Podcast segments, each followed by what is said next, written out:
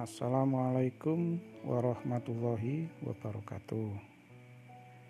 Jangan pernah sampean berpikir bahwa sampean yang sekarang sudah menjadi guru, menjadi dokter, menjadi lawyer, menjadi pengusaha atau apa pun itu adalah merupakan prestasi atas pencapaian sampean.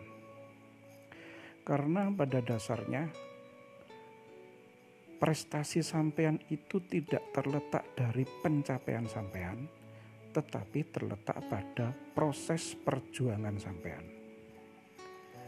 Dan di antara perjuangan dan pencapaian ini, di situ ada peran ridho Allah.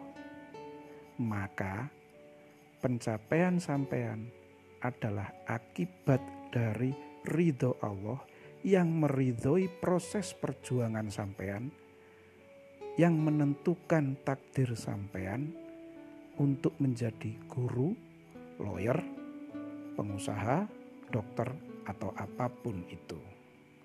Assalamualaikum warahmatullahi wabarakatuh.